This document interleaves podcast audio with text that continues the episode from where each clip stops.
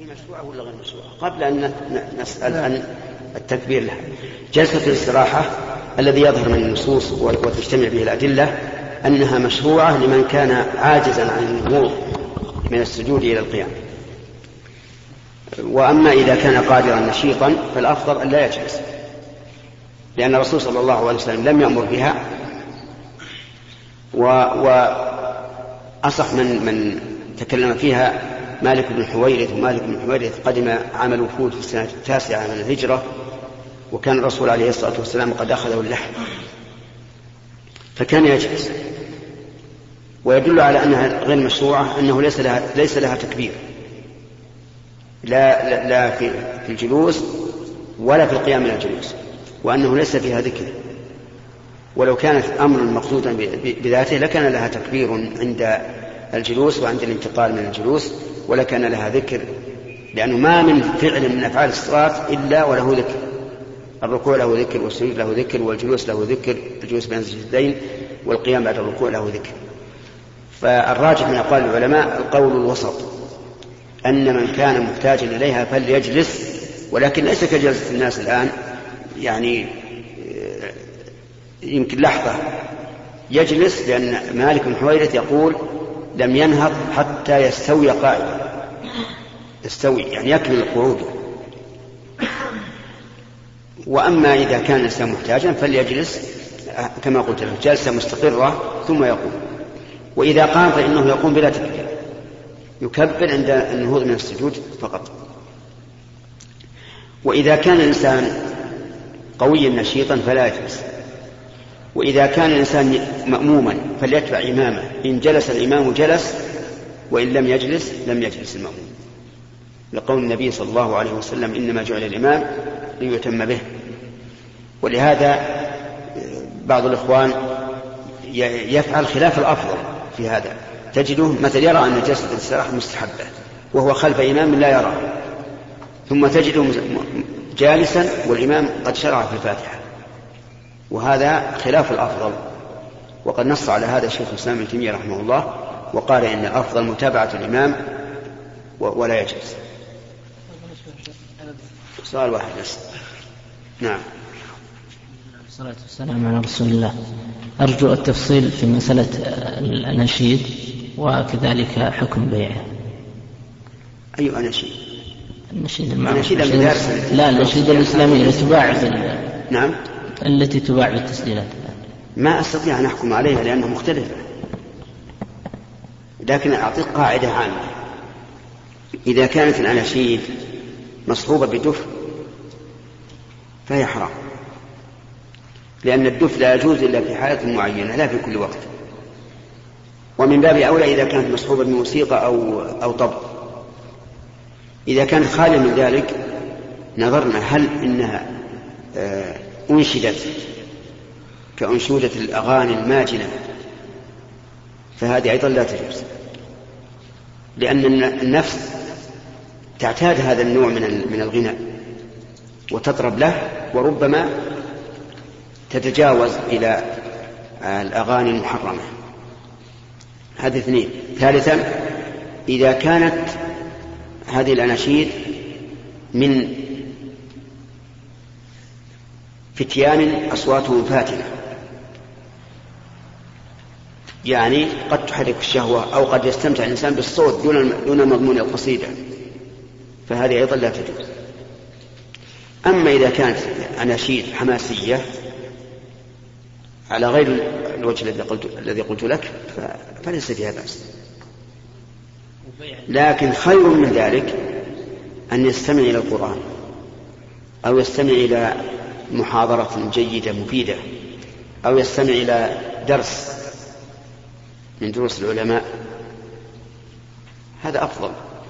يستفيد فائدة دينية وفائدة أنه مثلا يسهل الطريق على الإنسان لأنه ربما يكون الإنسان يضرب الطريق مثلا من من مكة إلى المدينة يحتاج إلى أشياء مثلا توقظه و... نعم. حكم بيع الأولى إذا كانت يعني شبه بعض القاعدة كل ما حرم استعماله حرم بيعه. لقول الرسول عليه الصلاة والسلام إن الله إذا حرم شيئا حرم ثمنه. نعم. طيب شيخ تعليق الآيات في المجالس. ما حكمه؟ لماذا يعلقها في المجلس؟ للزينة. للزينة. إذا معناه أنه لعب بالقرآن. اتخذه مجرد زينة. يعني كأنه نقوش عادية ولهذا بعض الآيات تجدها مكتوبة كأنها قصر كأنها منارة وما أشبه ذلك. هذا حرام ولا, ولا, ولا شك في ذلك. لكن بعض الناس يعلقها تبركا بها. هذا أيضا ليس بصحيح. لأن القرآن لا يتبرك به على هذا الوجه. ولهذا لم يسبقنا إليه الأولون. ما كان السلف يعلقون الآيات على جدرانهم يتبركون بها. بعض الناس يعلقها آه، على أنها حماية وقاية. كالورد مثلا يعلق آية الكرسي. لأن الرسول صلى الله عليه وسلم قال من قرأها في ليلة لم يزل عليه من الله حافظ ولا يقربه الشيطان حتى يصبح يقول خليها هنا علشان ما يقرب الشيطان. هذا أيضا خطأ. لأن الرسول صلى الله عليه وسلم علق الحكم على إيش؟ على القراءة. ما هو على تعليقها ثم الإنسان إذا علقها اعتمد عليها وصار لا يقرأ لا يقرأ آية الكرسي. وهذا وهذا ضرر عليه. يعلقها للتذكير يتذكر بها. بعض الناس يقول يعلق على يتذكر بها ولهذا يعلق مثلا ولا يقتل بعضكم بعضا. علشان تنهاه؟ عن إيش؟ عن الغيبة عجبا في السائل. تنهى عن الغيبة هل هذا صحيح؟ تجد ولا يقتل بعضكم بعضا وتحت هذا اللافتة المكتوبة يغتابون الناس. ما تنهى ولا يرفعون إليها رؤوسهم فيكون هذا شيء من الاستهزاء بآيات الله. أن يكون كلام الله عز وجل فوقك لا يغتب بعضكم بعضا وأنت تشرف الناس تأكل لحومهم فالمهم أن تعليقها أدنى ما نقول فيه أنه بدعة ما كان السلف يفعلونه أو مكروه ولا سيما إذا إذا علقت في المساجد أمام الناس لأن بعض الناس يتلهى مثلا وهو يصلي إذا كانت في القبلة ربما يرفع بصره ثم يقرأ الآية وهو في التشهد مثلا. والحمد لله القرآن المصحف مكتوب ومن أراد أن يقرأ يقرأ من المصحف ومن أراد أن يتعظ فليكون الواعظ في قلبه. نعم. بالترتيب يا أخي. إيش؟ وصل. كيف وتعدى هذا كله؟ أنا خير إن شاء الله. اسمح لنا سؤالين لا اسمح لك سؤال واحد. كما أن أتينا من بعيد جدا. أي ما يخالف. صار واحد شيء أهم منه أعطني إياه وإذا جاك الدور مرة ثانية أعطني. إن شاء الله. تفضل. هل يجوز الجمع؟ هل يجوز جمع الصلاة في الليلة المطيرة؟ يعني أن المطر ينزل ويقف. ومرات يكون كثيرا يبل الثياب ومرات يكون رذاذا. ولم لو يكن المطر موجودا في وقت الصلاة وإذا كان رذاذا. نعم. أولا لا بد أن نعلم أن الصلاة كما قال الله عز وجل إن الصلاة كانت على المؤمنين كتابا أتم موقوتا. كتابا أي فرض موقوتا أي مؤقت بوقت. لا, لا, لا يجوز تقديمها ولا تأخيرها. فإذا كان كذلك فإنه لا يمكن أن نجمع بين صلاتين إلا إذا تحققنا وجود العذر. وعند الشك هل هذا عذر يبيح الجمع أو لا يجب أن لا, نجمع. لا يجوز أن نجمع مع الشك. فالمطر مثلا إذا كان ينزل ونرى أنه يبل الثياب ومعنى يبل الثياب أنه يحتاج الثوب إلى عصر من هذا المطر. ليس مجرد أن تقع النقطة من الماء القطرة من الماء ثم يبتل الثوب. هذا ليس بعذر. لكن إذا كان يبلها بحيث يكون فيها ماء إذا عصر خرج هذا اللي يبل, يبل الثياب. أما مجرد الرذاذ فإنه لا يبوح الجمع إلا إذا كان هناك وحل في الأرض أو مياه مستنقعات تشق على الناس نزل من قبل فلا بأس. فالجمع إذن الجمع للمطر إما لعذر في الأرض وإما لعذر في السماء. العذر في الأرض ما هو؟ الوحل والمستنقعات التي تتعب الناس والعذر في السماء هو المطر الغزير الذي يبل الثياب. أما مجرد النقط لا. قد يقول بعض الناس الآن فيه نقط صغيرة قليلة يعني. والسماء مغيمة تماما فيها سحاب ورعد وبرق في احتمال أن ينزل مطر كثير. نقول نعم الاحتمال وارد لكن شيء لم ينزل علمه عند من؟ عند الله عز وجل. ربما ينزل وربما لا ينزل. فما دام العذر ليس موجودا فاحتمال أن يوجد العذر غير غير مسوغ للجمع. لكن لو فرضنا أنهم لم يجمعوا ثم خرجوا إلى بيوتهم ثم أمطرت السماء مطرا كثيرا. فماذا يصنعون؟ نقول يصلون في بيوتهم. فإن الرسول كان عليه الصلاة والسلام يقول صلوا في رحالكم في الليلة المطيرة والشاتية الباردة الكثيرة إيش الصوت؟ أي فالحاصل الحاصل أن أنه لا يجمع إلا إذا تحقق العذر. أما قبل تحقق العذر فلا يجوز الجمع. لكن إذا وجد ما يبيح الجمع بعد أن تفرق الناس فليصلوا في بيوتهم. وفي هذه الحال إذا كان البيت فيه جماعة لا يا شيء في هذه الحال إذا كان فيه في البيت جماعة فليصلوا جميعا. لأن النبي صلى الله عليه وسلم قال صلاة الرجل مع الرجل أزكى من صلاته مع نعم. صلاة الرجل مع الرجل أزكى من صلاته وحده وصلاته مع الرجلين أزكى من صلاته مع الرجل وما كان أكثر فهو أحب إلى الله. إذا كان معه برد شديد يكون أيضا سبب آخر لجواز الجمع. نعم. الشيخ. أحد الشركات أعزمت الموظفين بالتعاقد مع البنك الهولندي لاستلام رواتبهم عن طريق هذا البنك. وحيث أن شرط العقد أحد شروط العقد يقول أن التحاكم في الخلاف بين البنك والموظف يكون إلى السجل التجاري أو القانون التجاري. فبعض الموظفين وقعوا على هذا العقد والبعض لم يوقعوا على هذا العقد بسبب وجود هذا الشرط. آه، كما تفضلت يوجد بعض الجهات الشركات أو الشركات تلزم الموظفين أن يفتحوا حسابا في أي بنك من البنوك من أجل أن تحيل الرواتب إلى هذا البنك. فإذا كان لا يمكن للانسان أن يستلم راتبه إلا عن هذا الطريق فلا بأس. يفتح حساب لكن لا يدخل حساب من عنده يعني لا يدخل دراهم من عنده. نعم. أما كونه يتلقى الراتب من هذا فلا بأس. طيب من ناحية الشرط الذي يتحكمون عليه لا الشرط هذا لا يقبل. طيب إذا أمر بالتوقيع ومن ضمن هذا الشرط هذا الشرط لا يقبله. لا يقبل لا يقبل يعني يخرج. إلى غير الكتاب والسنة حرام. طيب يعني يخرج من هذا العمل؟ لا لا يخرج لكن لا يقبل يعني يوقع كالمكره على هذا. لكن لو حصل نزاع لا يتحاكم إلى هذا. لو حصل نزاع. نعم. لاحظ لو ذهب مجموعة من الأشخاص ثلاثة أو أربعة مثلا تعزية شخص في ميت الله فما حكم هذا؟ ليش المفروض الصف هذا. هات ال اي لا غلط. اتصالوا إليكم خطأ. يعني في صفوف قبلكم جيد.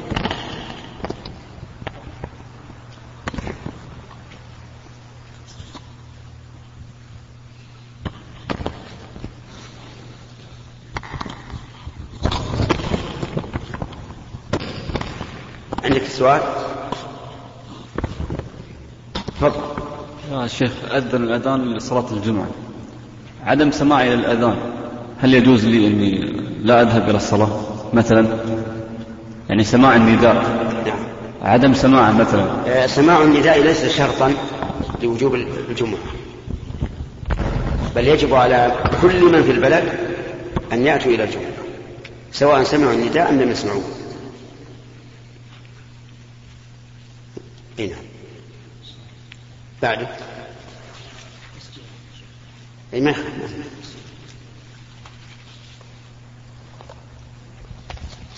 بسم الله الرحمن الرحيم.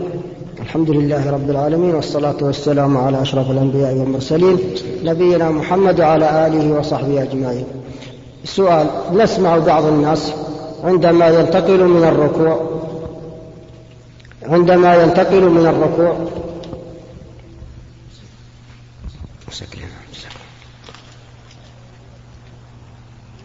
مثلا إلى السجود يواصل قراءة الدعاء الذي يقال بعد الركوع حتى يمس الأرض أو يقارب مسها. فما حكم هذا الفعل؟ إن الله سبحانه وتعالى قال في كتابه ومن يتعدى حدود الله فأولئك هم الظالمون. والصلاة محددة كل ركن فيها له دعاء خاص.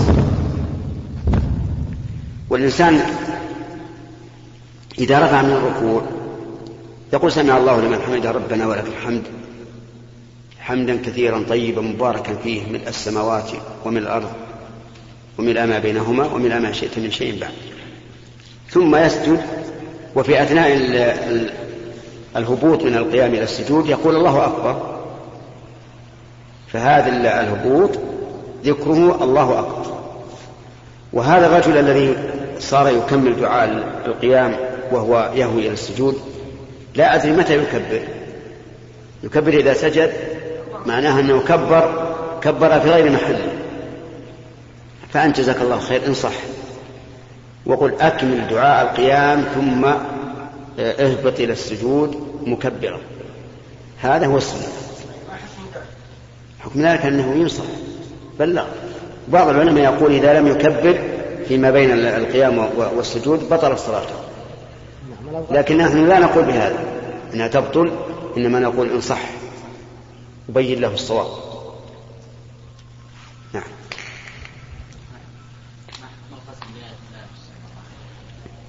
القسم بآية الله أن يقول أقسم بآية الله لا أفعلن كذا.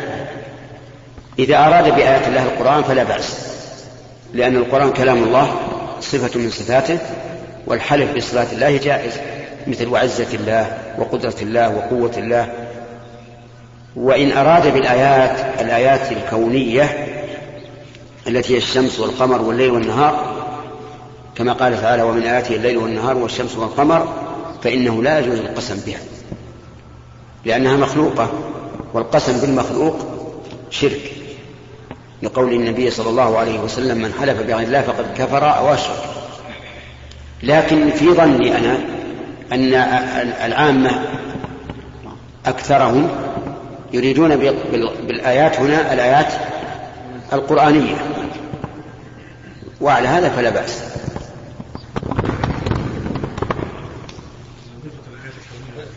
نعم.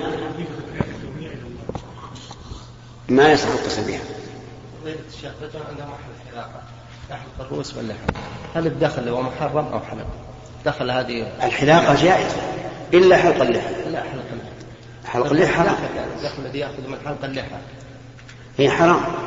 حرام عليه ألسنا قلنا قبل قليل إن النبي صلى الله عليه وسلم قال إن إذا حرم شيئا حرم ثمنه. كل حرام فأخذ العوض عنه حرام. سواء ببيع أو بإيجار أو غير ذلك. ولو أنه أجر المحل. حتى المحل صاحب المحل الذي يؤجر لشخص يحلق اللحية حرام عليه. هنا. فضيلة الشيخ وفقكم الله هذا سائل طلب مني عرض هذا السؤال على فضيلتكم. ما حكم تشغيل الشريط داخل الحمام داخل دورة المياه سواء كان قرآن أو محاضرة؟ هذا يسأل يقول يعني ما حكم الاستماع إلى الشريط والإنسان على قضاء الحاجة. إن كان هذا الشريط خارج المكان فهذا لا بأس به لأن الإنسان لو سمع قارئا يقرأ بنفسه خارج الحمام لكان الاستماع جائزا. أما إذا كان داخل الحمام ففي نفسي من هذا شيء في نفسي من هذا شيء لأن الصوت يخرج الآن من داخل من داخل الحمام فالأحسن أن لا يستمع إلى شيء فيه قرآن أما إذا كان محاضرة فلا بأس. ثم إنه لا ينبغي أيضا أن يفعل حتى لو كان في محاضرة لأن هذا يؤدي إلى أن يطيل الجلوس على قضاء الحاجة. وإطالة الجلوس على قضاء الحاجة محرمة لأن كشف العورة الأصل فيه المنع إلا لحاجة وإذا انتهت حاجته يقوم و... نعم. ولا يبقى كاشف العضلة خلاصة الجواب الآن أن نقول لا ينبغي أن يستمع إلى شيء وهو على قضاء الحاجة لأن ذلك يؤدي غالبا إلى إيش؟ إلى تطويل الجلوس. أما إذا إذا كان لا يؤدي إلى هذا وأن الرجل طالب علم ويعرف أنه لا يجوز أن يبقى فوق حاجته فإن كان غير قرآن فلا بأس ولو كان المسجل داخل الحمام وإن كان قرآنا فلا يجعل المسجل داخل القرآن داخل الحمام ولكن يجعله في الخارج لا بأس. أي نعم نعم نعم ما يضر. الجمعة نعم وما الحكمة من ذلك نعم لا يجوز جمع العصر مع الجمعة لأن السنة إنما وردت بجمع الظهر والعصر. والجمعة لا تسمى ظهر. الجمعة صلاة مستقلة لها كيانها. ولهذا لا لا تصلى إلا في مسجد واحد. وهي ركعتان. ويشار فيها بالقراءة. ويتقدمها خطبتان. ولها خصائص ولا تصح إلا في الوقت لها خصائص كثيرة. فلا يمكن أن تلحق بالظهر ويقاس على على على ذلك أن تجمع العصر إليه. إنه هو المسافر. مسافر أو مريض مثلا حضر الجمعة. نقول لا لا تجمع. الجمعة صلاة مستقلة ليس لها نظير في الصلوات الخمس. فلا يجمع إليها العصر.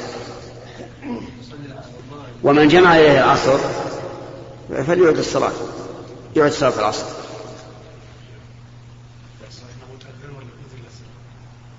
أذن. إيه. أذن الآن؟ أي وإلى هنا ينتهي هذا المجلس وإلى اللقاء القادم إن شاء الله تعالى. وحفظنا الله وإياكم من كل سوء ومكروه. أيها الإخوة اخترنا أن نكمل بقية هذا الشريط بالمادة التالية. هذا سائل آخر يقول إذا كنت مسافرا ومررت بأحد المساجد وهم يصلون العشاء فهل أقدم العشاء على المغرب أم ماذا أفعل؟ لا لا تقدم العشاء على المغرب. صل المغرب. ادخل مع الإمام الذي يصلي العشاء بنية صلاة المغرب. فإن دخلت في الثانية إن دخلت مع الإمام وهو في الركعة الثانية فمتى تسلم؟ يسلم مع الإمام تمام. إذا ركع مع إذا دخل مع الإمام في الركعة الثانية معناه صلى الثانية والثالثة والرابعة. كم صارت له؟ ثلاث ركعات. ثلاث ركعات فيسلم مع الإمام. وإن دخل معه في الركعة الثالثة صلى بعده ركعة. وإن دخل معه في الأولى وهذا هو المشكل إذا دخل معه في الأولى هل يقوم معه فيصلي أربعا يصلي المغرب أربعا أو يجلس ويتشهد ويسلم؟ أيهما الأول أو الثاني؟ الثاني يعني إذا دخل مع الإمام الذي يصلي العشاء في الركعة الأولى وهو يريد المغرب قلنا له إذا قام الإمام إلى الرابعة فاجلس واقرأ التشهد وسلم من أجل أن تدخل معه أي مع الإمام فيما بقي من صلاة العشاء. وهذا يقول إذا زالت الشمس وأنا لم أصلي سنة الضحى نسيانا فهل أقضيها بعد بعد آذان الظهر أو بعد الظهر؟ الظاهر يقضيها بعد آذان الظهر. قبل صلاة الظهر. لعموم قول الرسول صلى الله عليه وسلم من نام عن صلاة أو نسيها فليصليها إذا ذكرها. وهذا نسي صلاة الضحى فيصليها إذا ذكرها. نعم. وهذا يقول كنا مسافرين وصلينا المغرب ودخلنا ودخل معنا شخص يصلي العشاء. فلما صلى ركعتين وقمنا إلى الثالثة جلس وأكمل التشهد وسلم ولم يقم معنا. ويأتي برابعة حيث إنه مسافر. هل عمله صحيح؟ صحيح.